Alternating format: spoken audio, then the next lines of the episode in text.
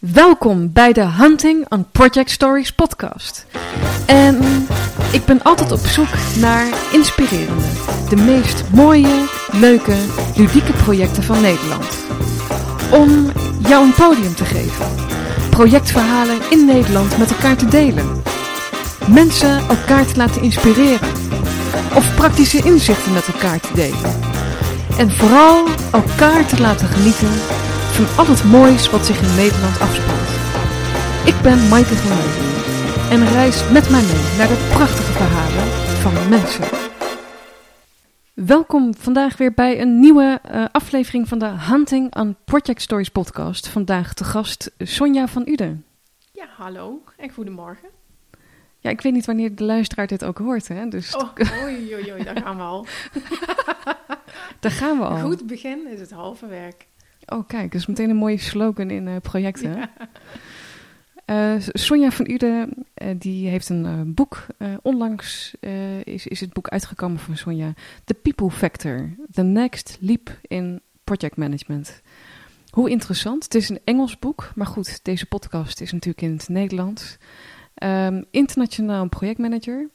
En ja, bij het lanceren van jouw boek, vorige week was dat. Ja was je bij Nijrode Business Universiteit. Daar was je bij aangesloten. Hè? Daar heb je ook je MBA uh, ja, gedaan. Dat ja. Hoe was dat? Ja, dat was um, uitzonderlijk uh, speciaal. Um, nou ja, überhaupt een mooi moment om te vieren dat, uh, dat een project is afgerond of er een boek gecreëerd is. Maar um, een vriendin van mij zei het eigenlijk heel erg mooi aan het einde van die avond. wat zijn nou de momenten in je leven waarin je familie, vrienden, collega's en uh, overige bekenden bij elkaar hebt in je leven. En uh, daar kwam eigenlijk maar één voorbeeld uit en dat was een huwelijk. maar um, nou ja, ik ben niet getrouwd en ik, ik ambieer in principe ook niet om te gaan trouwen. nee, nee, nee. dus het voelde heel erg als zo'n moment, die lancering van mijn boek. Dus ik had inderdaad, mijn ouders waren er en mijn vriend was er. En, maar ook vriendinnen die ik al twintig jaar ken, maar ook mensen die ik eigenlijk heb ontmoet in de afgelopen jaren terwijl ik terug ben in Nederland, uh, die geïnteresseerd zijn in mijn gedachtegoed en uh, in mijn boek. Uh, dus, um, nou ja, heel erg speciaal moment. Ja, warm en persoonlijk moment. Een warm en persoonlijk moment? Ja. Oh, Oké. Okay. En wat maakt het dan warm en persoonlijk voor jou? Um, nou ja, dat ik me op een of andere manier heel erg verbonden voel met die mensen. Um, dus dat is persoonlijk, zeg maar. Ik, ik weet niet of dat ik heel erg geloof in uh, dat je um, je werk of je functie als projectmanager uh, kan scheiden van wie jij bent als persoon. Uh, dus ik denk dat dat één, één ding is, zeg maar. En hoe jij natuurlijk bent, um, zijpelt in jouw werk en vice versa, zeg maar. Hoe wat je op je werk doet, dat, dat zijpelt weer in je persoonlijke leven. En, en dus je bent gewoon één persoon. Dus wat je zegt, het was voor mij heel warm en persoonlijk. En het persoonlijke is dan dat je vooral jezelf meebracht. Ja, ja maar ook dat ik, dat ik uh, wellicht zelf gecreëerd, maar ook door de mensen die er waren, heel erg mezelf kon zijn. Uh, zelfs op een, uh, ja, een heel erg business setting als Nijrode. Ja, ja, ja. dus oh, in het kasteel en ik... En, met een presentatie ook, of een, een uh, officieel gedeelte en wat achtergrondinformatie van Nijrode, hoe het ontstaan is. En um, ja, heel erg vanuit een zakelijke insteek eigenlijk in die locatie, maar dan heel erg warm en persoonlijk. En dat vond ik echt een geweldige combinatie. En wat maakt het trouwens dat jij voor deze locatie hebt gekozen? Ja, omdat uh, ik daar gestudeerd heb. Dus ik, ik, vond het sowieso heel erg fijn om iets wat um, um, ja, een gedachtegoed wat al langer bestond, zeg maar. Eigenlijk al sinds dat ik ben gaan projectmanagen of in met projecten uh, um, of in projecten betrokken ben geraakt. Maar uh, waar ik eigenlijk pas woorden aan kon hangen of labels aan kon hangen op het moment dat ik op Nijrode ging studeren. Dus voor mij is daar eigenlijk de basis gelegd van iets wat ik naar buiten wilde brengen. Um, over ja, de menselijke maat eigenlijk in projecten. Want wat had je nodig aan woorden Uh... Ja, dat, heb ik, dat zat ook in mijn uh, officiële stukje dan afgelopen woensdag. ik leerde in één keer over business en, organisaties en leiderschap en stewardship eigenlijk allemaal termen die vanuit mijn achtergrond. Ik, ik kom uit een, een bouwgezin of een gezin in de bouw. En ik, ik stond vroeger toen ik jong was al met mijn vader stenen te sjouwen, zeg maar, en te metselen en zo. En dus ik kom eigenlijk uit een arbeidersgezin. Ook al had mijn vader dan wel een eigen bedrijfje. Maar de, dat hele wetenschappelijke wereldje was voor mij eigenlijk helemaal niet bereikbaar. Of niet, dat, dat bestond helemaal niet toen ik opgroeide. Maar had je de woorden nodig van, van Nijrode? Hielp dat dus daarbij? Ja, ik weet niet of dat de woorden van Nijrode dan zijn, maar juist die woorden zeg maar, die in die wereld wel uh, gebruikelijk waren, waren en voor mij uh, niet, zeg maar, die hielpen mij om die extra stap of die volgende stap te zetten om met mijn gedachtegoed uh, ja, meer aan de slag te gaan. Want wat, wat gaf het je dan? Ik zit een beetje door te prikken. Ja, nee, nee, nee, dat geeft niet. Um, is dat zelfvertrouwen? Ja, tuurlijk. Zelfvertrouwen. Ja. Natuurlijk. Ja. ja. Dat, dat voornamelijk. Ja. maar dat je diep van binnen wel weet dat je, dat je iets goeds doet. Uh, en dat je misschien daar ook wel een woord aan kan hangen, maar dat je eigenlijk niet zeker weet of geen bevestiging hebt of dat klopt ja of nee. En dan is het toch lastig om die eerste stap te zetten daarin.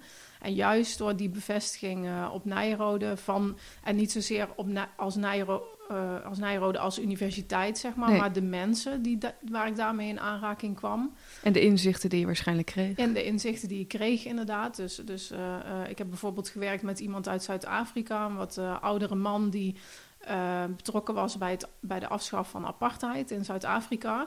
Nou, super uh, mooie en warme man uh, die mij eigenlijk hielp om te definiëren van wat wil ik nu onderzoeken over de menselijke maat in projecten en de vaardigheden voor projectmanagers. En zijn support en aanmoediging en ja, al die dingen eigenlijk samen hielpen mij om die stappen te zetten die nodig ja, waren om tot dit punt te komen. Ja, soms heb je dat nodig, hè? Simpelweg aanmoediging van iemand om je heen. Ja, ja, ja. absoluut. En dat was ook vrijwillig. Uh, je hoeft hem niet voor te betalen. Nee, nee. Dus een, nee. vanuit een vriendschap, kan ik het zo zeggen? Ja. Dat dat ontstond. Ja, en hij heeft uiteindelijk nu ook... Uh, uh, is, was de supervisor, zeg maar, voor, mijn, voor de creatie van mijn boek. Dus zelfs nu, vijf jaar later... Ik heb afgelopen zaterdag op, in het Citizen M Hotel op Schiphol hem uh, ook zijn eerste um, exemplaar overhandigd eigenlijk. Ah, mooi. Uh, dus dat we daar ook zeiden van oké, okay, nu is het, uh, het boek klaar. En, en de afgelopen jaren hebben we eigenlijk altijd contact gehouden um, om het boek. Maar wat nu, zeg maar, nu kennen we elkaar vijf jaar en, en we, ja, we vinden ook wel dat we een vriendschap hebben opgebouwd. Maar hoe gaan we dan nu verder als je niet meer die uh, ja, die automatische trigger hebt eigenlijk om met elkaar in contact uh, te komen. En dat je dan aan elkaar kan bevestigen van ja, je bent gewoon echt belangrijk uh, in mijn leven. En ik ben zo blij dat we elkaar hebben leren kennen. En laten we gewoon ja, regelmatig contact hebben en, en onze vriendschap doorzetten. en daaraan bouwen. Ja, dat is een super mooie kroon dan op dat je iemand ontmoet en dat die belangrijk voor je is. Prachtig, ja. ja. En dat gaf dus een stukje bevestiging, aanmoediging. Ja. Uh, stimuleerde in het zelfvertrouwen bij jou. Ja, inderdaad. Ja. En wat heb jij met uh, projecten, Sonja? Ja, wat heb ik met projecten? Um, ik had toevallig een aantal van, uh, van de vorige podcast uh, geluisterd gisteravond. En uh, daar kwam die vraag ook naar boven. Dus ik vond het wel interessant om te horen wat andere mensen dan daarop zeiden. Want welke heb je geluisterd?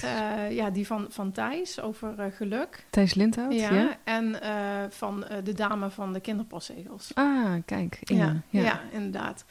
En um, nou ja, als je dan hoort hoe anderen daarover denken, dan ga je zelf ook meteen reflecteren over wat vind ik daar dan van eigenlijk. Uh, dat is ook wel mooi, hè? Dat, dat het dus al triggert van, uh, hey, hoe zit dat eigenlijk bij mij? Ja, inderdaad. En, uh, en toen kwam ik eigenlijk op iets anders uit dan wat zij twee zeiden. En dat was dat voor mij projecten uniek zijn.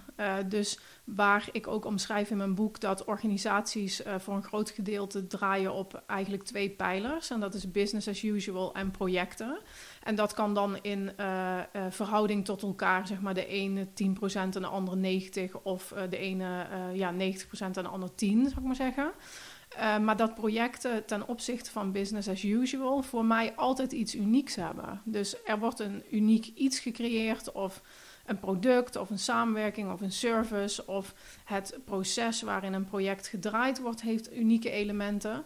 En dat spreekt mij heel erg aan. Uh, wat, wat, wat, wat, wat maakt dan dat het jou aanspreekt? Ja, dat het, dat het uh, geen repeat is, geen repetition heeft, zeg maar. Dus, dus waar ik het heel erg fijn vond om met mijn vader zeg maar op de bouwplaats te helpen, vroeger toen ik klein was, zag ik ook wel dat hij eigenlijk gewoon vijf dagen of zes dagen in de week min of meer hetzelfde aan doen was. En heel snel, ergens in mijn jeugd al, kwam ik erachter dat dat niet is wat mij stimuleert. Zeg maar. Het routinematige. Ja, ja, en ik denk dat, uh, dat dat element van projecten mij heel erg aanspreekt. En dat ik daarom ook toen ik voor de eerste, eerste keer een aanraking kwam met projecten, meteen dacht: ja, dit is het. Wat brengt het jou dan?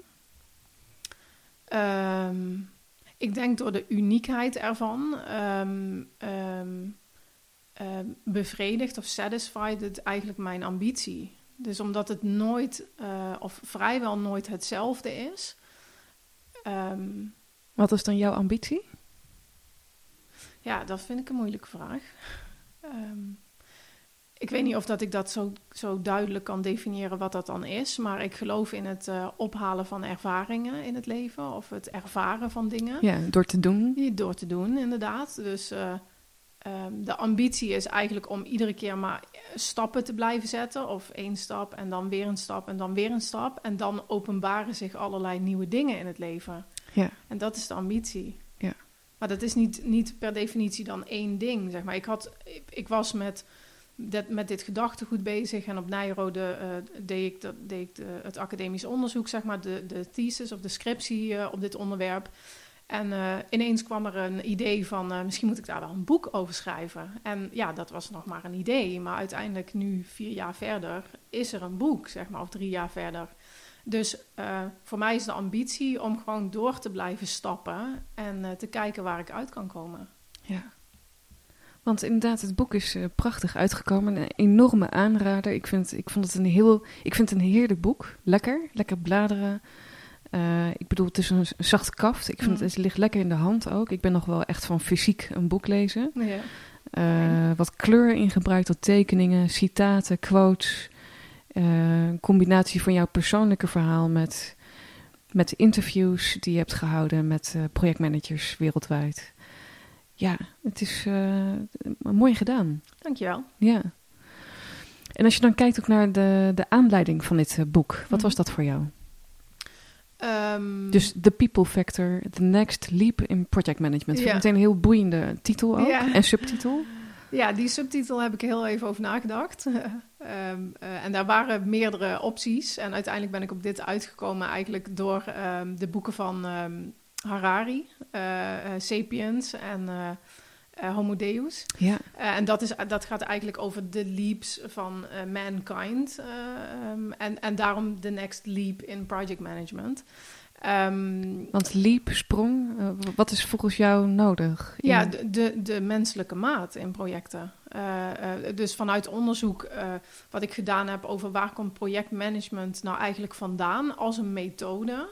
Um, dan, dan komt het echt uit techniekhoeken, dus aerospace en en uh, bouwen en zo. Ja, ja. NASA, hè? Daar... Ja, NASA inderdaad. Uh, um, en, het, en het komt heel erg uit, uh, er is duidelijkheid over wat je wil creëren met een project. Dus bijvoorbeeld bouw een brug of bouw een...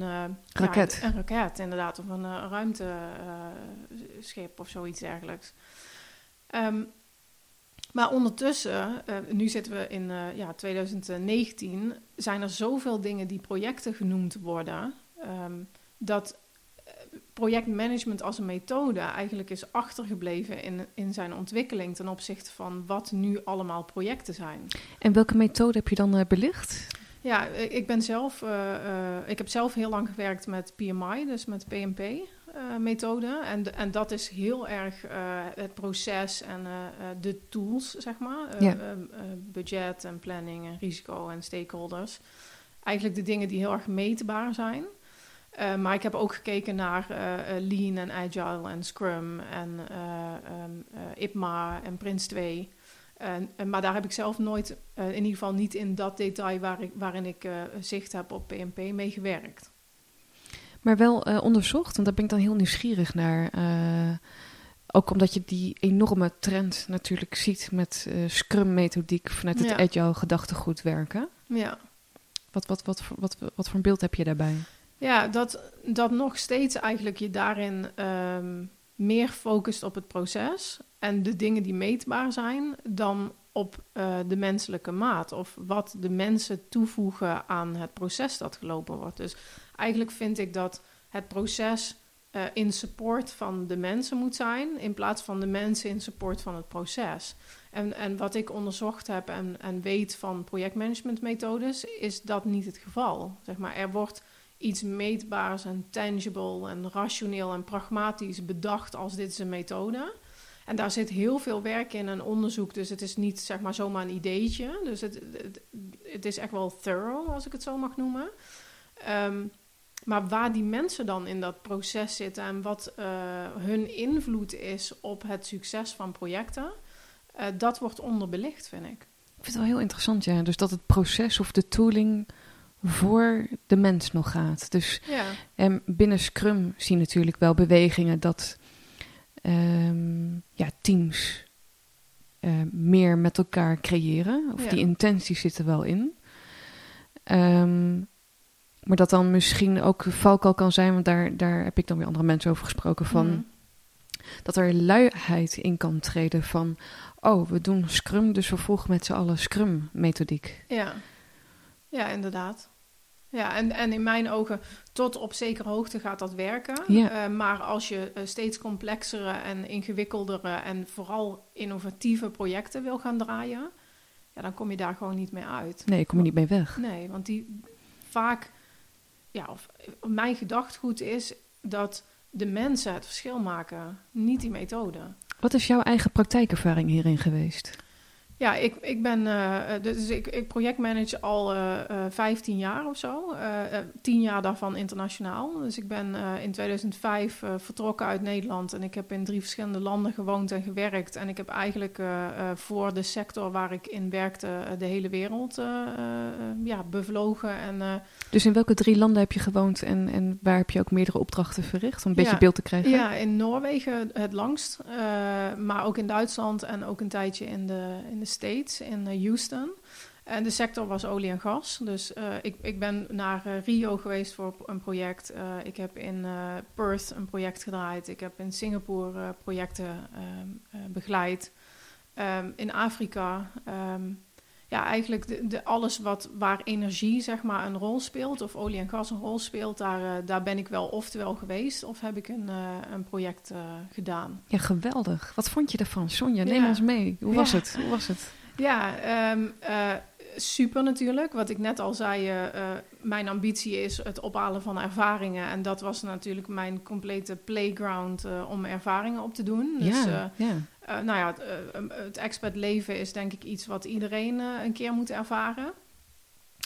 Um, ja, mijn ambitie ook om, om uh, te groeien binnen bedrijven en zoveel mogelijk daar te zien, zeg maar. Niet zozeer als in ik wil Rio een keer meemaken of ik wil een keer in Noorwegen de bergen in, zou ik maar zeggen, maar ook binnen organisaties. Dus ik heb bijvoorbeeld projecten gedraaid van een leveranciersperspectief, maar ook aannemer of contractor, zoals dat heet in onze sector, en klant. En dan ook in start-up, MKB, corporates. En ik zit toevallig nu bij een project voor een stichting. Um, dus al die facetten en al die ervaringen, zeg maar, die, ja, die hebben mij eigenlijk nu gemaakt uh, tot wat ik ben. En, en ja, daar ben ik uh, erg blij mee, zou ik maar zeggen. Leuk. Ja. En, en je zegt van dat wat ik ben, wat, wat ben jij dan? Ja, um, uiteindelijk. Um, is dat die projectmanager wat je bedoelt? Nee, dat is niet die projectmanager wat ik bedoel. Dat is meer zeg maar het, het, uh, de overtuiging hebben dat de menselijke connectie uh, belangrijk is in het leven, privé en zakelijk. Uh, en dat is, dat, is, dat is wat ik probeer over te brengen, zou ik maar zeggen, en de manier waarop ik leef. En, en het boek, The People Factor, gericht op projecten, zeg maar, waar ik passie voor heb, is daar een, een voortvloeisel uit. Of dat is iets wat daar uitgekomen is. Ja, want zeg je misschien ook met eh, dat, dat alles te hebben ervaren, is dat wat ik ben, zei je, zei je Ja. letterlijk, Ja. is dat, ja, dat, dat het je dus gemaakt heeft tot, tot de persoon die je bent? Ja, ja. En door wat je hebt geleerd? Ja, ja door, door wat je meemaakt. Dus ehm, ja, bijvoorbeeld, eh, ehm, ik, ik vertelde gisteravond tegen een, eh, een collega van me dat eh, de mensen, het groot grootste deel van de mensen die afgelopen woensdag op Nijrode waren bij mijn boeklancering, mensen zijn die ik nog minder dan vier jaar ken. En waar ik eigenlijk al best wel een hele sterke connectie mee heb, of een vriendschap. Ehm, dus ik hoor ook wel eens mensen om me heen die het lastig vinden om nieuwe vrienden te maken, bijvoorbeeld. Ehm, mijn, ja, mijn ervaring is anders daarin, denk ik, omdat ik eh, over, over de wereld gereisd heb en ook gemoeten heb om die, om die vrienden te maken, die nieuwe vrienden. Dus je, je hele context eh, verandert eigenlijk doordat je eh, me- ja, dingen hebt meegemaakt of zo. En als je dan naar jezelf kijkt, we, we zijn met z'n allen nieuwsgierig. Ja. Ehm, je startte trouwens de podcast dat je het heel erg spannend vond. Ja. Hoe is dat nu? Nou, nu beter.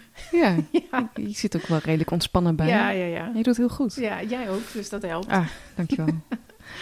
Ehm, je begon eh, als mens op ergens. Ja. Hoe was dat eerst en wat is dat nu? Wat is het verschil daartussen? Ik zit hier met mijn handen in de lucht, dat zien Mhm. jullie niet. Tussen die twee Sonja's. Wat, wat, is, wat zijn dan typische kenmerken die je dan bij jezelf hebt gezien?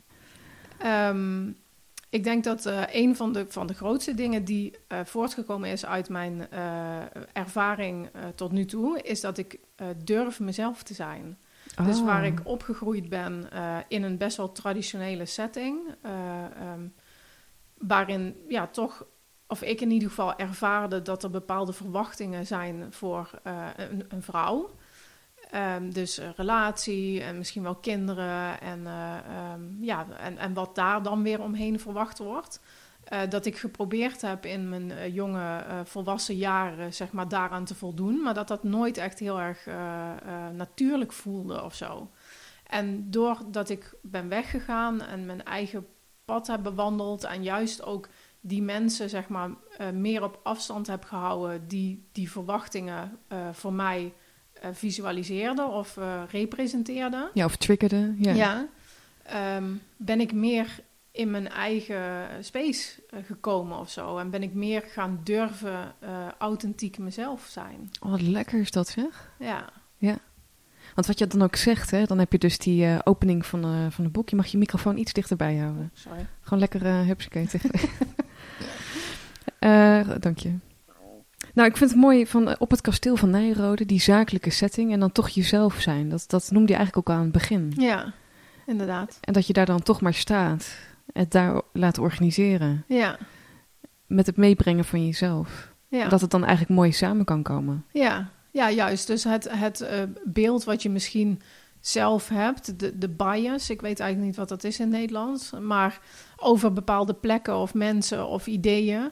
Ehm, het- hoe mooi is het om dat gewoon om te denken en dan daar gewoon middenin te gaan staan, helemaal authentiek jezelf zijnde. Ja. En authentiek jezelf zijn, wat, wat is dat dan voor jou? Ja, dat, dat zit hem in intuïtie, zeg maar. Dat zit hem in Oh. gevoel. Eh, wil ik dit? Ja, voel ik me hier eh, blij bij, zeg maar. Word ik, word ik hier blij van? En dan daarop gebaseerd die keuze maken. En niet over, eh, eh, is dit, is dit eh, slim voor mijn carrière? Of eh, ja, kan dit wel met hoe ik mijn, mijn privé-setting gecreëerd heb? Ik denk dat, dat ehm, best wel veel mensen in een rol zitten, bijvoorbeeld bij een werkgever, waar ze helemaal niet blij zijn, maar niet goed weten hoe ze daar dan uit moeten komen. Of wat ze dan kunnen doen om die, die setting beter te maken voor zichzelf. ja, of daar niet bewust van zijn. Ja, ja. In Nederland, of nee, in Nederland, volgens mij is het mensen eigen dat je altijd meer volgers dan leiders eh, hebt. ja. Ehm, maar je noemt net een, een, Engels woord, eh, de buyers. Bias. Bias. Ja. Heb je soms ook dat je in het Engels je beter kunt verwoorden dan in de Nederlandse taal? ja. Dat hoor je vaker, hè? Ja, ja ik, heb, ik heb tien jaar eh, alleen maar Engels gesproken. Eh, ik heb ook wel wat Noors geleerd en, en Duits sprak ik al wat, maar eh, mijn industrie eh, was eigenlijk gewoon altijd in het Engels. Uh, en het was wel een grappig moment dat ik voor de eerste keer in Noorwegen ook me betrapte op dat ik in, in de douche in het Engels stond te denken. Dus dat is, ja, dat, ja. Dat, dat is wel mooi. Maar ik denk dat um, vooral in het Engels, omdat dat de taal is die, ik, die het dichtste komt bij hoe je een moedertaal zou noemen, zeg maar. Dat, dat, dat zit wel op datzelfde niveau. Vind ik rijker in woorden dan de Nederlandse taal. En daarom struggle ik heel erg naar uh, het zoeken naar de juiste Nederlandse termen die dat omvatten, wat ik eigenlijk wil zeggen. En in het Engels, omdat ik tien jaar in het Engels heb ge ge gewoond en gewerkt en ook mijn studie in het Engels was en mijn onderzoek in het Engels, ja. is, dat is dat makkelijker voor ja, me. Ja, ja, Voor sommige mensen is het ook verstoppen achter een andere taal dat het minder kwetsbaar voelt dan in de eigen taal te schrijven. Ja, ja. ja nee, nee, nee, dat herken ik niet. Nee. nee. Omdat het zo eigen is geworden. Ja. Zit in je systeem. Ja, uh, inderdaad. Ja. Na tien jaar ook, wat je zegt. Ja. ja. Ja, en ik heb me altijd al wel uh, geïnteresseerd in andere talen. Dus ik, ik, vertelde van de week nog tegen iemand die vroeg aan mij van... Uh, hoe vond je het schrijven aan zich? Ja? van, dat ik voor de eerste keer stage liep in Duitsland toen ik 19 was of zo. En dat ik daar uh, allerlei boekjes had uh, waar ik uh, Duitse gedichten in schreef. Dus, dus het, het, taalaspect heeft me altijd al wel geïnteresseerd. Ja. We hebben elkaar ook telefonisch gesproken. Ik zat er net even aan naar terug te denken. We hebben een prachtig gesprek. Dus lekker pingpongen als je dan ja. uit het vak komt. Weliswaar met verschillende achtergronden, maar je hebt overeenkomende kenmerken van ja, en eigenschappen van een project. En wat ik daarin opmerkte was ook, uh, de titel van je boek is The People Factor. Um, ja, het leek voor mij alsof je ook je soms alleen voelde in, in je eigen gedachtegoed. Van hoe jij naar de wereld keek hierin. Klopt dat? Ja, dat klopt. Ja. Ja, dus uh, wat ik ook in het boek omschrijf, het moment waarop ik als projectmanager eigenlijk iets anders ging doen dan alleen maar me richten op de meer uh, data-gedreven dingen, zeg maar, meetbare tools, uh, kwam heel erg uit uh, eenzaamheid. Dus ik was in, in Noorwegen een jaar op dat moment. Um, nou ja, het is fijn om te integreren en het, de makkelijkste manier om met mensen in contact te komen is via je werk. Um, nou ja, en dat wilde gewoon helemaal niet, omdat ik heel erg pragmatisch en rationeel en um, ja, blauw daarin stond. Dus ik kreeg op een gegeven moment ook de, de bijnaam de Dutch Ice Queen. Oh, echt? Uh, ja, echt. Uh, en daar was ik natuurlijk helemaal niet blij mee. Maar dat geeft een goed beeld, denk ik, over uh, hoe ik dan mijn projecten aanstuurde. En wat mensen dan daar ook van konden vinden. dus ik, ik ben bewust ergens die keuze gemaakt om, om me meer op mensen te gaan richten. En dat kwam heel erg uit het feit dat ik gewoon eenzaam was. Uh, en uiteindelijk, um, als bijresultaat daarvan, um, werd ik ook succesvoller. Of gingen de projecten ook makkelijker. En, uh, Waardoor? Waardoor kwam dat? Ja, omdat ik me meer op die mensen richtte. En wat, hoe, wat moet ik me voorstellen? Ja, dat wist ik toen dus helemaal niet. Dus op, op, eigenlijk vanuit een persoonlijke um, wens om meer verbonden te zijn, privé, met mensen op de plek waar ik op dat moment woonde ging ik me zakelijk meer op mensen richten. En daardoor was het leuker om met elkaar te werken. En werden we ook succesvoller, omdat mensen bereid waren om meer voor elkaar te doen. Ja, mooi. Ja. Ik herken dat ik zelf heel erg rationeel uh, begon in mijn carrière. ik ook hoor. Dus. Ja, dat, ja. dat hoor ik ook in je verhaal inderdaad. Um, en dat, dat ik dan op zoek was naar verbinding met anderen, inderdaad. En vanuit rationeel denken ontstaat het ook wel deels. Hè? Want je bent in gesprek met mensen en je creëert samen voorwaarts. En dat leidt dan tot resultaten. Dus je komt ook best wel ver mee met rationeel denken. Ja. Tenminste, dat was mijn uh, ervaring. Ja, ja absoluut. Uh, dus daar wordt ook een hoop mee gepresteerd. Um, maar een, een, een, hoofdstuk in jouw boek is ook ken jezelf. Ja. Wat is dat voor jou? Wat is daarvoor nodig? Ken jezelf? Um, nou ja, de moed eigenlijk om jezelf een spiegel voor te houden. Mooi, ja. ja. ja. En, en te beseffen hoe jouw eigen gedrag en jouw eigen triggers invloed hebben op de, de situatie, maar ook de mensen in die situatie. Ja, en dat betekent ook wat ik dan hoor, hè, dat ga, dan ga ik hem invullen, maar zoals ik hem dan interpreteer, van de moed hebben om in de spiegel jezelf durven aan te kijken, zeg je. Mhm. Maar dat betekent dus ook dat je dan de lelijke waarheid durft aan te kijken. Ja, Wat het ook maar is. ja. Want we zijn Ja. natuurlijk geneigd om de boel iets, iets mooier te maken in onszelf. Hè? Dat, dat is ook mensen eigen. Ja. Maar eh, zeg maar, ehm, ehm, om, om een kleine nuance aan te brengen. Ik weet niet of dat altijd lelijk hoeft te zijn. Eh, zeg maar, Nee, uiteindelijk, ja. nee, uiteindelijk kan je natuurlijk ook beseffen ehm, dat je misschien dan niet op de juiste plek zit. Eh, dus dat je lelijk bent in die situatie door die context. eh, maar dat in een andere context wellicht dat super sprankelend en prachtig kan zijn. Datzelfde gedrag. Ja, het gaat eerder om de waarheid. Whatever wat het voor jou is. Ja, ja. Dat je die durft aan te kijken. Ja. Ja, mooi. Dus ken jezelf. Eh, zijn er nog meer componenten die je ook in je boek beschrijft? Of... Ja, dus in mijn boek eh, ehm, eh, introduceer ik een modelletje van eh, zeven skills. Eh, waaronder inderdaad de know of kennen dan. En dat heeft dan de componenten ken jezelf, maar ken ook de ander. Eh, maar bijvoorbeeld ook communicatie. En dat is dan een onderwerp wat je wel meer terugvindt in de projectmanagementmethodes van tegenwoordig. Dus bijvoorbeeld PMI noemt communicatie de lifeblood van, van projecten. Eh, nou ja, en daar ga ik ook verder op in, zeg maar, wat is dan communicatie en eh, eh, wat zijn dingen waar je ehm, ehm, op moet letten en hoe kan je dat beter ontwikkelen voor jezelf.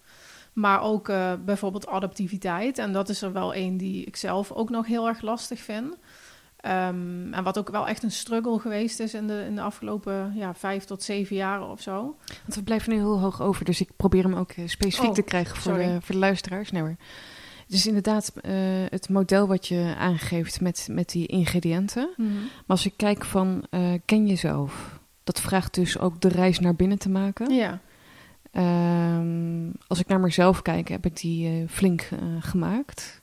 Dat ik mijn eigen waarheid durf aan te kijken. Wat het ook maar is. Mhm. En, ehm, maar dat ik ook reflecteerde met de buurman of buurvrouw naast mij. Van klopt het wat ik qua innerlijke reis in mezelf maak? Want, want ik ben gekleurd. Ik kijk gekleurd naar de wereld. Dus soms is het ook goed om te reflecteren met de buurman of buurvrouw eh, naast je. Ehm, ken anderen, eh, geef je ook aan in je boek. Eh, De, in die volgorde ook? Is dat, is dat bewust? Ja, ik denk dat alles begint bij jezelf. Ja. Ja, ik zou eerder het advies geven om naar binnen te gaan als iets niet helemaal gaat zoals je het zou willen, dan naar buiten eh, te onderzoeken. Mhm. En, en het buitenonderzoek is eh, zeker wel onderdeel daarvan. Eh, maar ja, eigenlijk alles begint bij jezelf.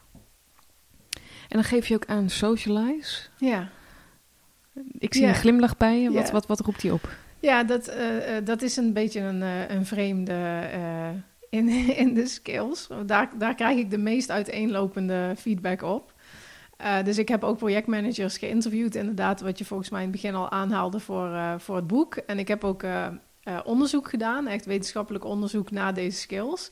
En eh, dat ligt eigenlijk best wel ver uiteen. Dus het boek is, of het, het hoofdstuk in het boek is ook opgebouwd in eerste instantie hoe ik naar socialize kijk. En dat is eh, dat je verbinding maakt met anderen. En dat je eh, ja, het, eh, zeg maar het Brabantse gezellig eh, eh, kan doen met elkaar. En dat je daarvan geniet. En dat je daardoor een warme band met elkaar opbouwt. Eh, maar dat is wellicht voor eh, sommige mensen te persoonlijk in een, in een werksetting.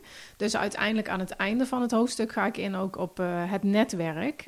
En ik denk dat mensen die ehm, wellicht nog de scheiding zien tussen ik ben iemand op het werk en ik ben iemand privé, zich daar meer in kunnen vinden. Maar wat ik al zei in het begin, ik geloof daar niet zo heel erg in. Je bent één persoon en die persoon ben je thuis en op het werk. Oh ja. ja. Ehm, maar ehm, Want wat is dan het netwerk eh, voor jou? ja, dus het bouwen van eh, support om je heen. Eh, wat, ik, wat ik zei in het begin, of ergens over die man uit Zuid-Afrika die mij support om uiteindelijk tot dit boek te komen.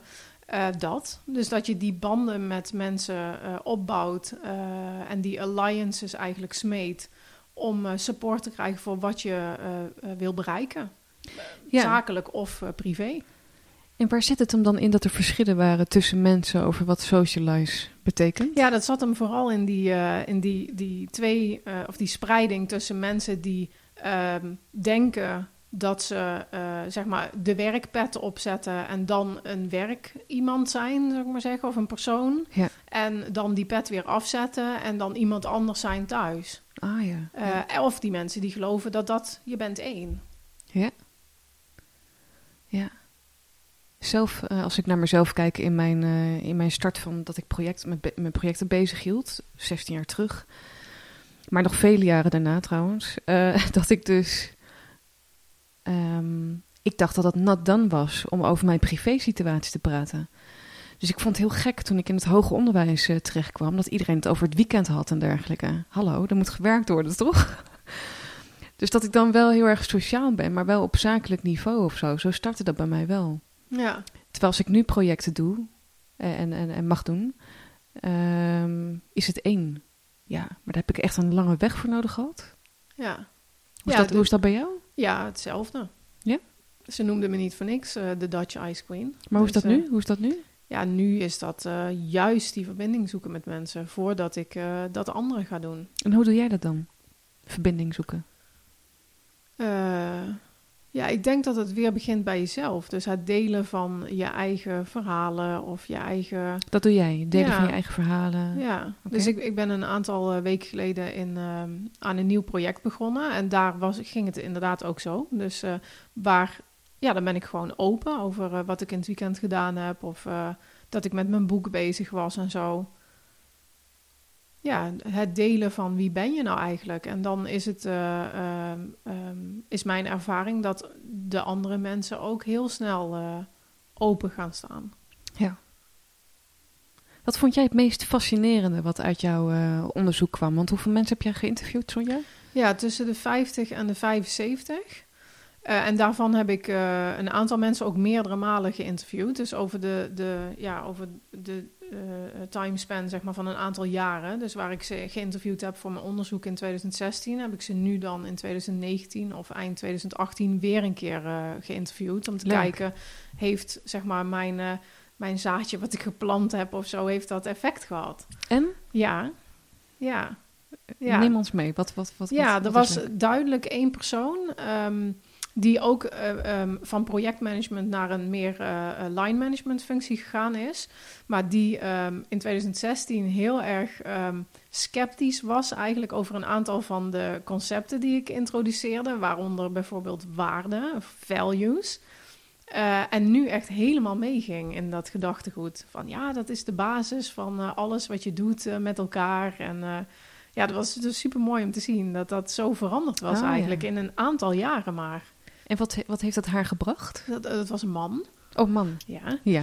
Wat heeft het hem gebracht? Ehm, ja, dat hij eh, uiteindelijk, ehm, ehm, ik denk ook weer zekerder was of zo in zijn rol die hij op dat moment vervulde. Dus eh, hij was ondertussen manager geworden van een groot team, zeg maar, 500 man of zo. Dus meer ook ehm, het positieve van het samen met elkaar eh, bereiken van dingen ehm, inzien, zeg maar. En, en, en dat dan ook kunnen toepassen. Ja. Want dat, is het, dat was het voor mij ook heel lang. Ik wist eigenlijk wel dat ik iets anders wilde dan eh, me alleen maar richten op die tools en die data. Maar hoe dan? Ja, wat dan, zeg maar. Dus die zoektocht naar die eh, boeken of eh, cursussen of eh, ja, überhaupt al gewoon medestanders in dat gedachtegoed. Ja, dat was zo moeilijk. Wat is het meest essentiële wat jij nu aan de luisteraars terug wilt geven over een uitkomst door jouw onderzoek vanuit jouw boek? Ja, dat, dat je. ehm, dat je uiteindelijk, zeg maar, want in mijn boek omschrijf ik ook het als de necessary marriage. Dus ehm, ik geloof niet in dat eh, je alleen met tools of alleen met de people factor ehm, eh, veel invloed hebt op de uitkomst van een project. Maar juist de combinatie van die twee, eh, die maken je succesvol. Of Mhm. die maken het project succesvol. Ehm, dus ik denk, onderzoek zoveel mogelijk als je kan over die twee elementen. En, en kijk wat voor jou helpt, zeg maar, of wat jou helpt in jouw eh, struggles die jij tegenkomt in je projecten. En mijn boek kan dan je inspiratie geven over die menselijke kant van projecten. Ja, want je, je, je, je kaart inderdaad geen tools aan uh, in je boek, hè? Nee, nee. Nee, er komen wel. Uh, uh, dus op, op het modelletje van de zeven skills ga ik wel in hoe kun je nou die zeven skills toepassen. Dus daar bij reflectie uh, geef ik wat aanzetten voor mo modelletjes die bestaan, die je daarvoor zou kunnen gebruiken. Um, ja, dus ik, ik haal wel dingen aan, maar ik geloof ook echt wel dat je, dat je voor jezelf moet bepalen wat voor jou werkt. Ja, vanuit het en-en-principe. Ja, inderdaad. Het een kan nooit zonder het ander. Het, het, kan ook elkaar versterken. Ja. Maar het heeft dan ook weer met die bewustwording te maken. Ja, ja dus uh, misschien wel leuk om even aan te halen. Ik heb uh, in het traject zeg maar, van mijn onderzoek op Nijrode totdat er nu een boek is, een keer een uh, workshop gegeven in Amsterdam met een groep projectmanagers. En uh, daar heb ik ook in eerste instantie gewoon in een soort van presentatievorm mijn gedachtegoed uh, uit uh, de doeken gedaan. En uiteindelijk ben ik met hen een, een spel gaan spelen. Waarin ik een kaartjes gemaakt had met aan de ene kant tools zeg maar, vanuit de blauwe hoek. Dus meer rationeel en de what's and hows noem ik dat in mijn boek. En aan de andere kant de skills die uit voor de people factor of de menselijke skills die uit mijn onderzoek kwamen. Heel even een klein beetje met wat bullets zeg maar, op dat kaartje dan uitgelegd wat is het. Vervolgens uh, drie scenario, projectscenario's uitgeschreven en uh, ze in groepen van twee met elkaar aan de slag laten gaan uh, met oké, je hebt een scenario, en er is iets aan de hand in een project en dat moet opgelost worden. En gebruik nou eens dat kaart, die kaartjes allemaal zeg maar door elkaar heen om te kijken wat je nou daadwerkelijk gaat inzetten om dit op te lossen. En, en projectmanagers allerlei verschillende sectoren en allerlei verschillende ja. ervaringsniveaus. Ja. En het mooie was dat, um, en daarom ook ben ik doorgegaan met dat gedachtegoed. Het was altijd een combinatie tussen die twee. Dus het was altijd het budget en communicatie of uh, uh, uh, mensenkennis en de planning. Of, ja, of zelfs meerdere dingen. Soms drie verschillende blauwe tools en vijf verschillende people skills. Um, dus dat was al super mooi om te zien dat het echt gaat om die combinatie. Maar wat ook mooi was, is dat ze allemaal verschillende combinaties maakten. Dus waar de een, zeg maar, die ene skill uh, echt super belangrijk vond, had die ander uh, helemaal niet die gekozen. Of juist veel lager uh, um, gescoord, zeg maar, of ge gerankt. Ja.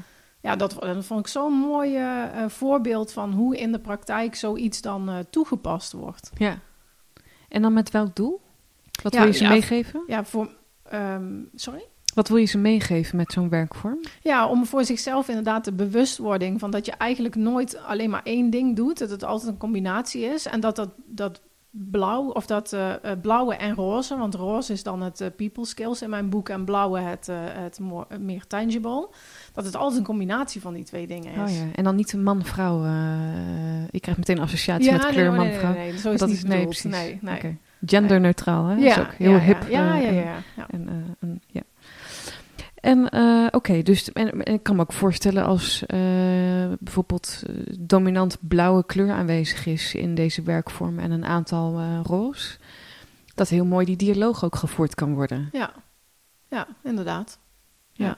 En zie je dan ook in verschillende branches andere uitkomsten? Ja, inderdaad. Leuk dat je dat ook vraagt. Uh, ja. Dus in uh, de, de meer technieksectoren overheerst blauw.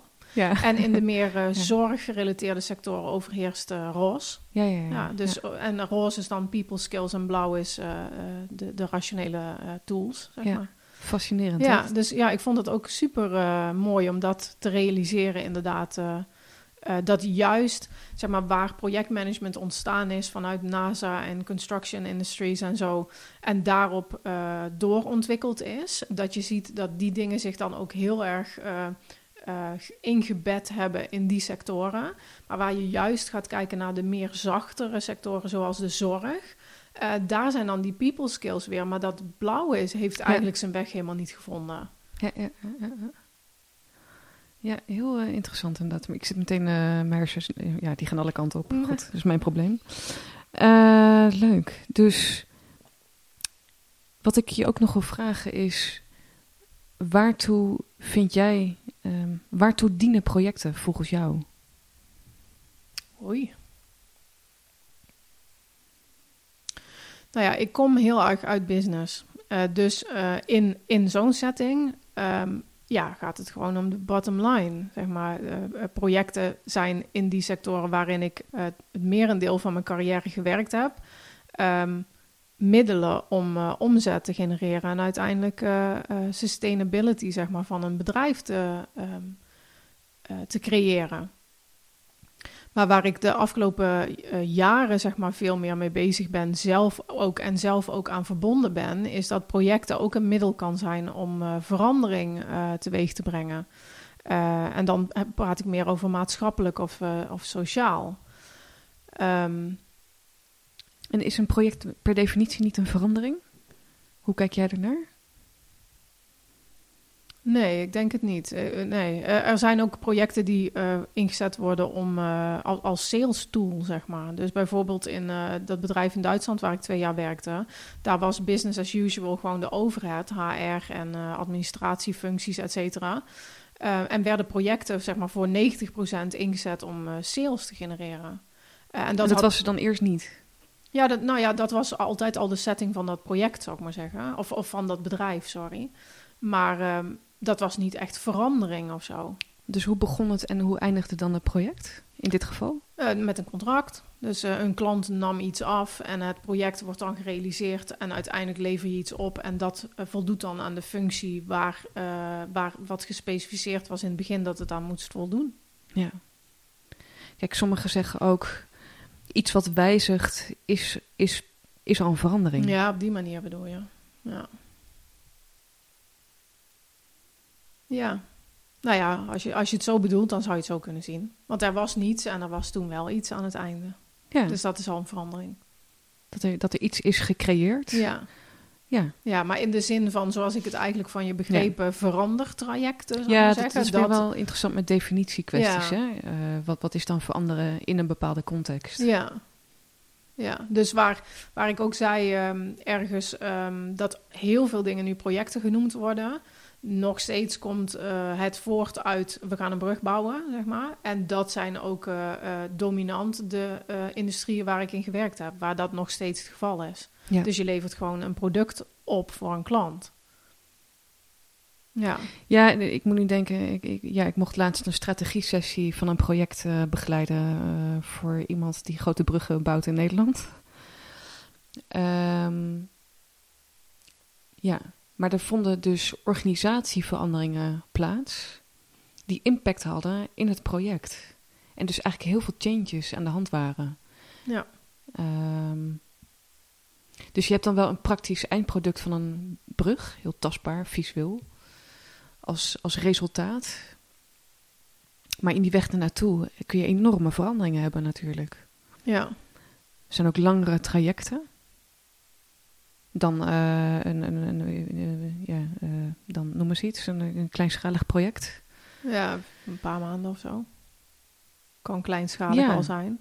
Maar, zulke... maar dus de dynamische omgevingsfactoren bedoel ik, daar heb je volgens mij altijd mee van doen. Of het nou een easy project is of een, een complex groot project. Ja. En dat maakt wel dat de omgeving kan veranderen en dus ook in een bepaalde mate invloed kan hebben binnen je project. Ja, ik heb uh, um, aan het eind van mijn boek uh, um, in, in de afterword ook een, um, een aantal pagina's gewijd aan wat zijn nou dingen die eigenlijk wel naar boven zijn gekomen in de afgelopen jaren dat ik mensen geïnterviewd heb en mijn onderzoek gedaan heb, maar die eigenlijk nog niet echt een plek hebben gevonden in uh, mijn gedachtegoed. En één daarvan is inderdaad uh, de uh, mate van complexiteit van een project. Ja. Dus ik heb heel lang gespeeld met de gedachte easy, difficult en complex, zeg maar, als gradaties in projecten. En dan weer het blauwe roze, dus het meer rationeel en het meer mensgerichte. in wat voor mate komt dat dan voor in die, um, in die inschaling van projecten? En dat heeft heel lang in mijn manifest gestaan als een onderdeel. Maar uiteindelijk aan het eind heb ik het er toch uitgehaald. Uh, omdat het eigenlijk nog niet genoeg uh, um, body had. Nee, ja. nee. En, en, en, ik, ik wist het gewoon niet zeker, zeg maar. En dan eh, wil ik het er ook niet inzetten. Dus ik heb het aan het eind genoemd dat het, dat het een vervolgstap is op mijn onderzoek om te kijken van is de hoeveelheid uh, van uh, people skills die nodig zijn voor een complex project nou echt significant meer zeg maar dan voor een makkelijk project, ja of nee?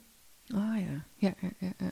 En dat is ook wel, denk ik, want waar meer verandering plaatsvindt, zou ik eerder zeggen dat meer people skills nodig zijn.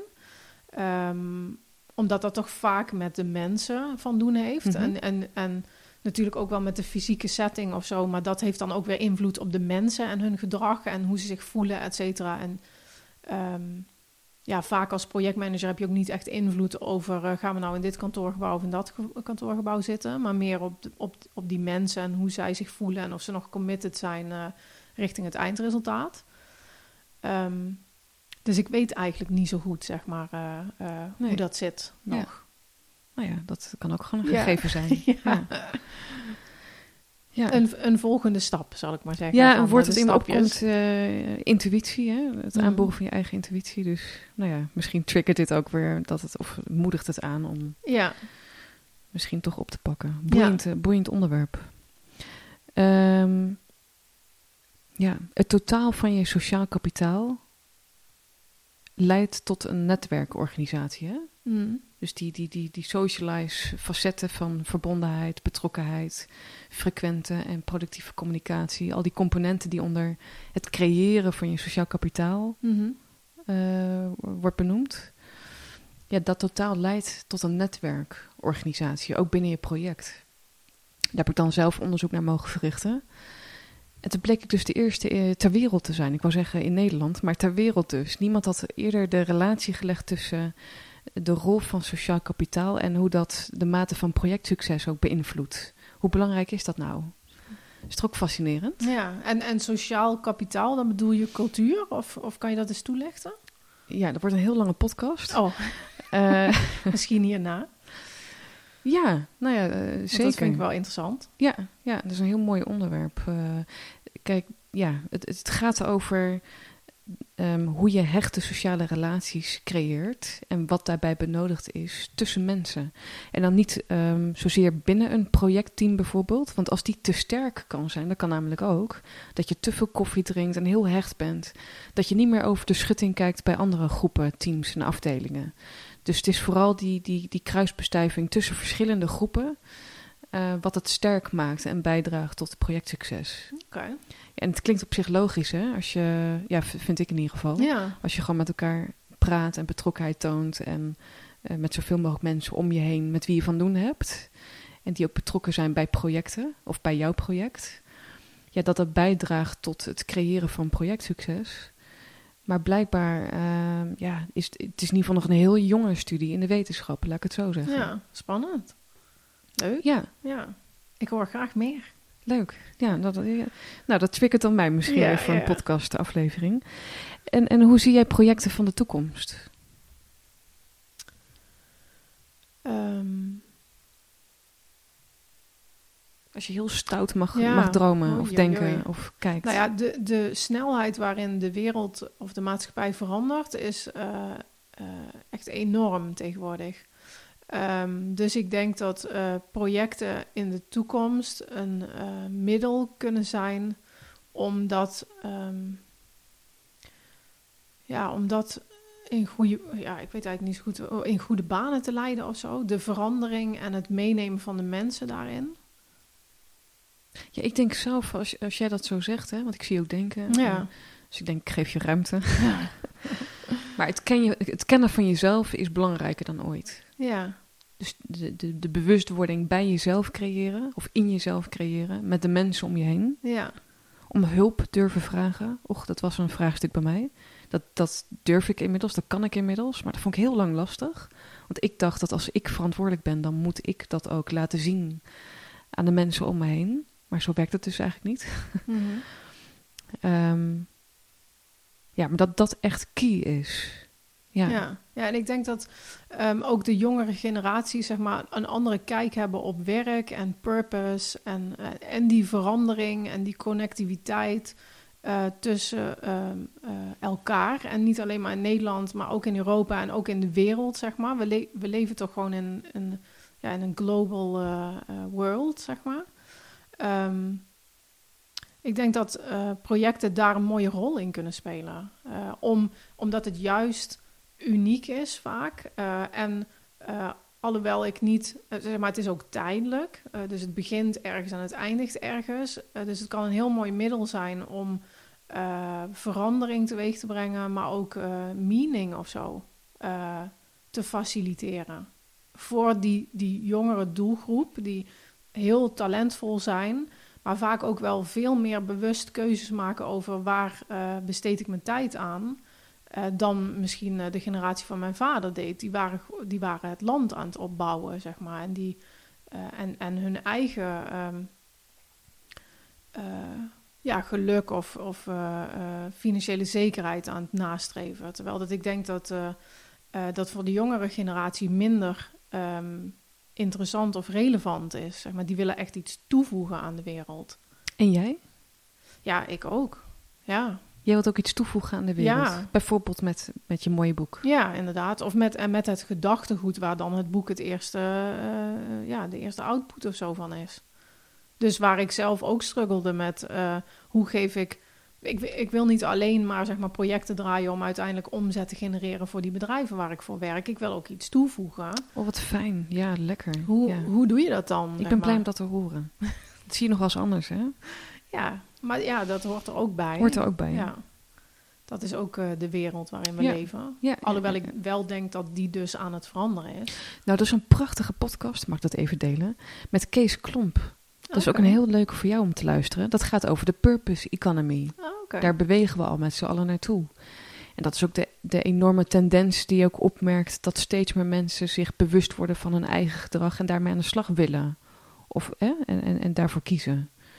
Uh, dus mensen zijn massaal bezig met persoonlijke ontwikkeling, met opleidingen daarin volgen. Dus die hogere mate van bewustwording, dat is wel wat ik nu ook zie gebeuren. Ja. ja is een hele boeiende podcast. Ja, en, ja, en wat is dan eh, vanuit die context van die purpose economy de rol van projecten? Uh, is uh, interessant. Ja, ja.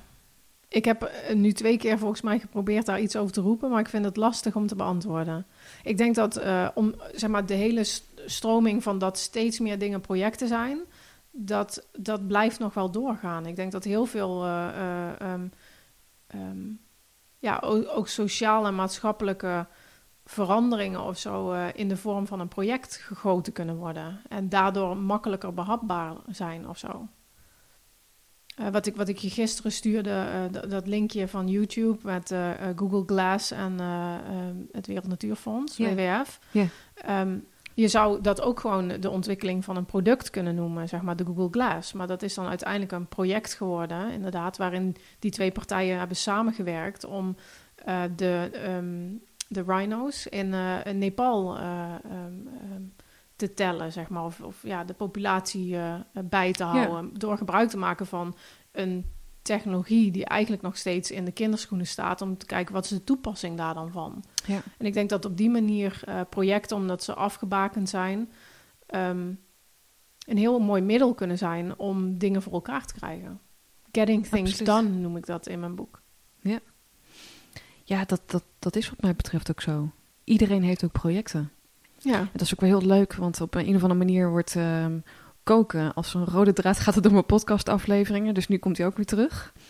Um, maar dat dus ook de vrienden die komen eten in het aankomend weekend, dat het ook een project is. Ja. Je bent aan het voorbereiden, je hebt een stukje uitvoering en je hebt een nazorg is wel leuk, want je krijgt wel vaak discussieverschillen als je daar met mensen over gaat hebben van wat is dan uitvoering en wat is nazorg. Heel interessant. Voorbereiding kan iedereen nog bedenken van uh, het recept, boodschappen doen en uh, de keuken in en voorbereiden. Uh, letterlijk snijden van, van je groentes en ditjes datjes. Um, maar uiteindelijk blijven er twee dingen over, volgens mij. Dat, dat is projectmatig werken. Als je ook kijkt naar de Future of Work. Er zijn mooie boeken over geschreven ook vanuit visionairs, um, projecten en mensen. Ja. En wat je ook aangeeft van de wereld globaliseert, ja, dat, dat is natuurlijk al een heel tijd uh, inderdaad ook zo. En wat we nu nog kennen als de muren van gebouwen, ja, dat is toevallig zo. Maar wat je ook bij ondernemers ziet, dat hè, die, die werken ook overal in van die koffietentjes, ditjes, datjes, één grote kruisbestuiving van verschillende bedrijven. Dat is eigenlijk in het klein, wat ook in het groot steeds meer gaat gebeuren met, met de grote organisaties. Ja, En ook nog een keer over de grens heen van Nederland, zeker. Ja, ja. inderdaad. dat is fascinerend. En ik denk dan dat projecten daarin een ordening kunnen geven, waar meer chaos ontstaat. Ja, Als ik een gebouw voor me zie waar allemaal bedrijfjes in zitten en, en het zit eh, te mieren en te mouwen en met elkaar proberen samen te werken en te vinden en te doen. Mhm. Dat projecten een bepaalde ordelijkheid geeft in die mate van chaos. Het geeft overzicht. Het kent, het kent een begin en een eind. Dus lekker. Ja, ja waar- waarbij ik wel ehm, ehm, nog wel aanduiden dat uiteindelijk projectmanagementmethodes, zeg maar, ehm, dat al zo'n enorme historie heeft. eh, Absoluut, en dat ja. echt wel een, een, eh, een, een, ja, een, een skill is, zeg maar. Eh, dus ik wil ook niet uitvlakken dat, ja, dat, dat, dat niet belangrijk is om dat ook eigen te maken, zeg maar. Projectmanagement eh, of projectmatig werken is inderdaad eh, een kop en een staart. En eh, als je uiteindelijk van A naar eh, B eh, weet te komen, dan heb je een project gedraaid. Ja, dat niet Maar- iedereen denkt dat ze Elon Musk eh, zijn. Van, nee, eh, er zit wel echt een heel gedachtegoed en een hele wetenschap achter eh, die methodes en die processen en die skills. Ja, want je kunt wel een grootsheid denken. Dus iets willen is leuk. ja. Maar kun je het ook realistisch bereiken? ja. En dat vraagt inderdaad skills. En, Ja. eh, En inderdaad is het dan eh, wellicht wat je aanhaalt, zeg maar, met het etentje in het weekend, makkelijker te bevatten voor, voor mensen wat dan het, het doel is, zou ik Ja. maar zeggen, en hoe je daar komt. dan een raket bouwen ja, maan. Ja. juist. Ja. Mooi. Wat zijn tips die jij mee wilt geven? Nee, nee, nee. Ik heb nog één andere vraag. Sorry, je denkt, eh, daar heb je haar weer. Ehm, vind je het nog leuk, Sonja? Ja, zeker. Mooi. Ja. Hoe Maar je je... stelt ook wel moeilijke vragen. Oh, je stelt wel moeilijke vragen, ja? Ja, ik vond die vorige vraag wel, eh, wel lastig, inderdaad. Oh ja. Dat, dat vind ik ook een beetje zo in een glazen bol eh, kijken. En eh, ehm, ja, dan heb ik daar wel intuïtief, zeg maar, eh, iets, eh, een mening over. Maar dan wil ik ook graag altijd heel even nazoeken en hoe zit het. En Oh. mijn, mijn mening vormen, zeg maar, over bepaalde dingen. ja. Dus lastige vragen. Maar ja, ze triggeren tot eh, stapjes zetten. Dus Ja, precies. ja. En vanuit het intuïtieve wat je aanhaalde. En alle kennis wat al in je zit. Dat je daarop mag vertrouwen. Ja. Ehm, wat is nog een struggle die jij hebt? Als je kijkt naar de topics ook in je boek. Ken Mhm. jezelf? Ken jij nu jezelf? Nee, ik denk dat er nog heel veel te ontdekken is. Wat is bijvoorbeeld voor jou een vraagstuk die, die je nog wilt aankijken? Ehm, nou ja, eh, een van de dingen die, waar, wat ik aan het onderzoeken ben, is of dat ik misschien eh, iets eh, politieks zou kunnen doen. Dus eh, waar ik eh, bijvoorbeeld vorig jaar eh, met vriendinnen op de bank, of ik weet eigenlijk niet of het vorig jaar was, maar met, met de Europese verkiezingen, ehm, zat, me zat te verbazen waarom er eigenlijk geen ehm, niemand zeg maar, zich super op technologie richt in, in campagnes, et cetera. Terwijl dat ik denk dat dat de grootste drijfveer is voor verandering in de wereld op dit moment. Ehm, waarom we daar, ja, hoe, zo, hoe dat kon en wat we daar dan aan konden doen, zal ik maar zeggen. En dat triggerde dan weer eh, eh, een onderzoek om te kijken, eh, ja, kan ik misschien politiek iets gaan doen? Ja, en onderzoeken vind je heel erg leuk. Ja, hè? Dat, ja, ja. Dat, ja, dat Ja. komt. Ja, dus ik ben eh, ondertussen eh, zit ik in een kweekvijver traject eh, ehm, eh, met vrouwen in- voor vrouwen in de politiek. Ja? In- ja, en Wat ben- leuk. En welke partij? Of Ja, zo? nee, provincie. Oh, provincie. Ja, dus provincie Limburg. Dus we zijn al naar het provinciehuis geweest en we hebben de, de wethouder van Roermond mogen spreken. Maar we, we zijn bijvoorbeeld vorige week ook bezig geweest met mediatraining. Ehm, dus ik onderzoek een beetje voor mezelf. eh, is dat misschien een, een weg om te bewandelen, zeg maar, om impact te maken met eh, mijn gedachtegoed over dat de menselijke maat eh, ja, belangrijk is en eigenlijk alle facetten van het leven. Ja, dus zeg je daarmee indirect ook dat, dat jouw boek, dat je die breder wilt inzetten dan Ja. voor projecten? Ja, absoluut. Ja, ja. Mijn, mijn mijn onderwerp, zeg maar, mijn passie is uh, projecten en projectmanagement. Maar ik geloof dat de menselijke maat in allerlei verschillende facetten van het leven onderbelicht is.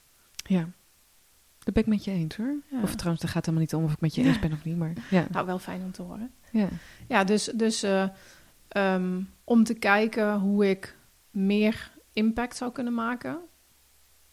Ja, dat is, dat is wel een, een, uh, een struggle, zeg maar, die ik, uh, die ik zelf heb. Van hoe ga ik dat dan doen? En wat daarvan... Hoeveel, hoeveel in dat traject wat ik dan zou bewandelen, kan ik, uh, kan ik authentiek doen, zeg maar. Ja, maar heeft het ook niet te maken met dat je, dat je dus voor jezelf een omgeving creëert? Waar je de people factor ook tot zijn recht kan laten komen, maar vooral jij ook zelf?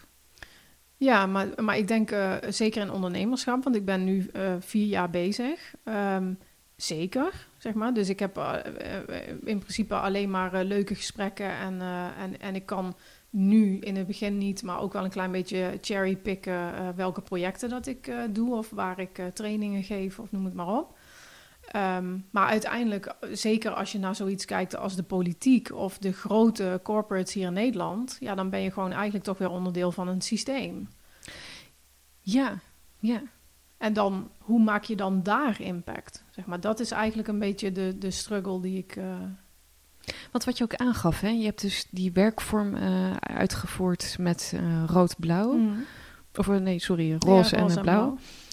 Uh, roze is meer die people factor. Nu, nu zie ik trouwens ook op je boek Factor is blauw. En, dus dat ja. is ook weer bewust ja, natuurlijk. Ja, ja, dat is een heel concept. ja, precies. Leuk. Ja. Nou ja, goed. Was, ik, ik zie haar boeken cafetieren voor me, jongens. was even een afleiding. Maar goed, je ziet dus meer in de zorg en dergelijke uh, uh, sectoren dat die roze kleur meer dominant aanwezig is. Ja. Is dat ook dan een omgeving wat voor jou dan ook meer aanspreekt? Net zoals de politiek dat je maatschappelijk bijdraagt, waar ook de mens aan verbonden is? Nee, uh, okay. nee goede vraag weer. Um, voor mij gaat het echt om de balans. Ja. Dus um, niet het ene of het andere, maar het samenpakken van die dingen. Ja. en daar zit de kracht. Ja, en toch denk ik wel dat je dan de omgeving voor jezelf zoekt waar je dus goed in kunt floreren. Ja, absoluut. Ja. Dus als je ja. in een heel erg blauwe omgeving uh, verkeert, volgens mij is dat ook wel waar jij oorspronkelijk uh, vandaan komt. Ja. Nou ja, hoe, hoe gelukkig word je daarvan? Ja. Ja, maar daarin geloof ik ook wel weer. En dat, dat uh, heb ik in principe zelf ook bewezen door middel van uh, assessments. Dat dat kan veranderen. Dus waar ik uh, in het begin van mijn carrière ook heel erg blauw was, uit de profilering of whatever, ben ik nu in mijn uh, kleuren dan veel meer uh, roze georiënteerd. Mooi, dus dat is die, dat, dat beïnvloeden ja. vanuit je eigen gedrag in relatie met de mensen om je heen. Dat ja. je dus ook in je bestaande context het redelijk naar je hand kan zetten. Ja, dus Soms ook niet. Als maar... je blijft stappen, dan word je rijker in je kennis en je kunde. En... en... of je dan bij die organisatie blijft of dat het elders is, dat, dat, dat is dan zo. Ja, ja. Ja, inderdaad. Dus maar hoe, hoe, hoe heb je nu impact op een uh, on a grand scale, zeg maar, met de gedachte van we leven in een, uh, uh, in, in een global world. Ja, alles is één. Ja, ja, dat vind ik wel een uitdaging nog steeds. Wat is, wat is dat dan? Ja, dat is ook gewoon weer ambitie om, om ja, zeg maar, ervaringen op te doen en... Maar bedoel je dan met uitdaging, dat wil je aangaan? Is ja, dat eigenlijk nou ja, da, da, daar, daar twijfel ik of ik dat aan wil gaan, ja of oh. nee. Zeg maar, bijvoorbeeld uh, meer concreet. Uh, aan de ene kant onderzoek ik of dat ik een PhD ga starten op dit onderwerp. Aan de andere kant uh, bekijk ik of ik wil gaan spreken en een podium op wil gaan staan. Nou ja, dat zijn twee totaal verschillende dingen. Het ene is de spotlight en de andere is ja, een, een achterkamertje wellicht in een universiteit. Wat heb je daarvoor nodig? Om, wat kan jou daarbij helpen om, om daarin een stap te zetten? Ja, het veel praten met anderen. zoals wij... eh, Ja, inderdaad, zoals wij nu doen. Maar ik heb eh, bijvoorbeeld eh, morgen een gesprek met een eh, ehm, voorzitter van een politieke partij hier in Nederland. eh, om te praten over eh, wat bewoog hem om eh, de politiek in te gaan. Ook een jonge vent, zeg maar, eh, eh, eh, bright eh, career eh, binnen een grote corporate hier in Nederland. En op, een- op één dag gewoon, eh, op de een op de andere dag gewoon gezegd: ik ga ermee stoppen en ik ga de politiek in. Dus dat vind ik dan interessant, zeg maar, van hoe, wat beweegt iemand anders dan om dat te doen? En voel ik, zeg maar, dat dat ook voor mij zou kunnen gelden, ja of nee? Maar aan de andere kant eh, eh, heb ik over twee weken ook een gesprek met een eh, professor in eh, ehm, eh, SP Jain, zeg maar, een universiteit in India, om te praten over dat PhD-traject. Dus ik onderzoek aan beide kanten, door met mensen daarover te praten, wat past bij me ja, nu, en te zeg maar. ontdekken wat, wat voor jou goed voelt. Ja, Ja. ja. Ja. want dat doe ik inderdaad heel erg intuïtief. Welke t- Mooi gesprek, hè? Ja, Tenminste, wij, wij genieten wel. Ja, Ik hoop jullie ook, die, eh, die nog steeds met ons meeluisteren na 1 uur en eh, 10 minuten ongeveer. Oh, zijn we al zover? Oh, wauw. Ehm, wat zijn tips die jij mee wilt geven? De, de, de luisteraars zijn de mensen die betrokken zijn bij projecten. Eh nagenoeg iedereen dus. Ja, Ehm, wat wil je ze meegeven? Ja eh, ehm, eh, kijk naar die combinatie, zeg maar, dat de necessary marriage, eh, wat ik zeg, tussen dat, dat rationele en dat menselijke. En, en vanuit mijn onderzoek, maar ook van eigenlijk alle projectmanagers die ik tot nu toe spreek, ehm, die, die beamen eigenlijk allemaal dat daar de kracht zit. Ehm, dus onderzoek voor jezelf die twee aspecten en kijk waar voor jou de balans zit. in hoe je ja, het fijn kan hebben en succesvol kan zijn in projecten. Ehm, en daar mag je natuurlijk mijn boek voor gebruiken. Dat zou ik heel fijn vinden. Maar er zijn allerlei andere. Wel- Welke andere boeken inspireren jou? Ja, ik ben nu aan het lezen. eh, de meeste mensen deugen van Rutger, Oh. Rutger Bregman. Nou, vind ik zo toevallig. Die heb ik dus ook net. eh, Ja, ja. en dat, eh, zelfs, de, want ik, ik heb pas 10 of 15 pagina's gelezen, maar zelf dat eerste stuk, nou, dat was al zo bam, zeg maar. Dat hij gewoon, dat hij zegt dat eh, eh, ja, mensen in momenten van crisis na- juist naar elkaar eh, eh, neigen, zeg maar. Ja. En niet, want hij heeft het dan over de Tweede Wereldoorlog en bombardementen en eh, dat de Engelsen dan als retaliation op, de, op Duitsland, zeg maar, dan gaan overwegen, gaan wij ook bombarderen. En dat uiteindelijk eh, onderzoekers die dan kijken of dat ze de, de spirit, zeg maar, van de Duitse maatschappij of de mensen dan kunnen breken door eh, die bombardementen uit te voeren, uiteindelijk tot de conclusie komen van eh, nee, dat gaat niks doen. Eh, maar dat dan de generalen toch besluiten, we gaan het doen. En dat ze dan eigenlijk juist versterken de, de, de spirit, zeg maar, en de mentaliteit van die maatschappij. ja. Ja. Nou, dus, de, dus de mensen hoeven het boek niet meer te, koken, te kopen. Ja, maar dit zijn de eerste tien eh, bladzijden of zo, hoor. Mooi. Ja, maar dus... dus Dit is een mooie. De meeste mensen deugen. Ja, ja. dus ik geloof ook echt dat in projecten, om daar dan het bruggetje naar te slaan. Ja. Ik noem het in mijn boek eh, een rollercoaster. Dus een project eh, is gewoon eh, druk en moeilijk. En, maar het kan ook zoveel plezier zijn, zeg maar, zo so much fun. Eh, maar het, maar je, ja, je moet dan wel een beetje uit je schulp en met elkaar eh, die verbinding maken. Ja.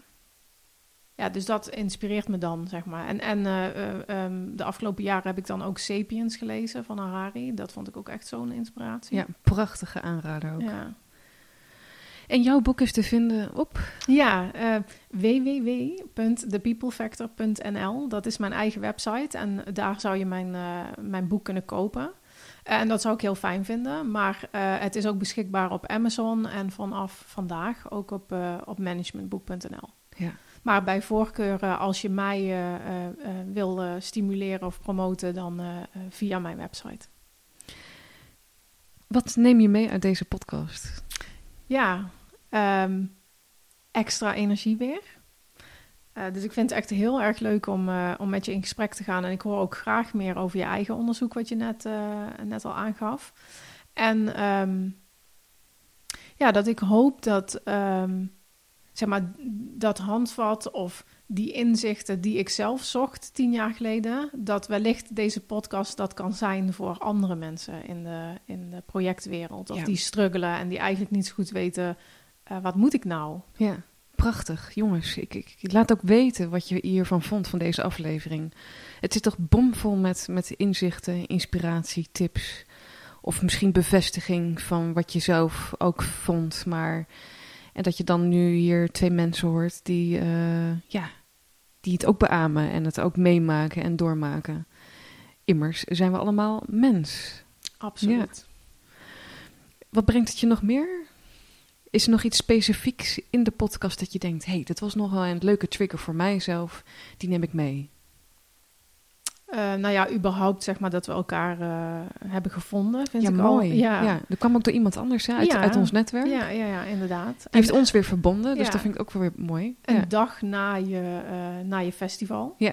Dus ik had er super graag bij geweest, zeg maar, maar ik was één dag te laat. ja, geweldig. Maar laten we voor volgend jaar dat ook. Ja, dus ik denk dat, zeg maar, hoe, ehm, eh, hoe raar de, de dingen ooit lopen, zeg maar. Ja. Eh, ik denk dat dat, dat, eh, ja, dat is wat ik meeneem. Dat we elkaar voor de eerste keer spraken anderhalf week geleden en dat we nu hier zitten en eigenlijk al ja, verbonden zijn door onze gezamenlijke passie voor projecten. ja. Met, ons, met ieder ons eigen verhaal, maar met, met toch Ja. ook weer zoveel overlap. Ja, inderdaad.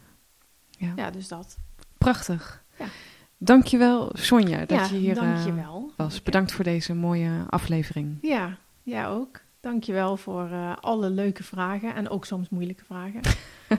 Eh, ja, en, en de ruimte om iets meer te vertellen over mezelf en mijn eh, gedachtegoed. Ze zeggen ook waar het schuurt, zit een groei. Vind ik een hele mooie Ja. zelf. Ja. Dus laat soms ook maar lekker schuren. Dat doe ik zelf ook. Ik, het was trouwens niet naar jou bedoeld, maar in het algemeen voor mensen die dit luisteren en denken, goh, wat Ja. leuk.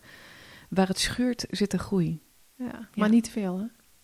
Nee, niet te veel. Maar je mag het wel rustig opzoeken om dus verder te kunnen groeien. Ja, absoluut. Ja. Mooi.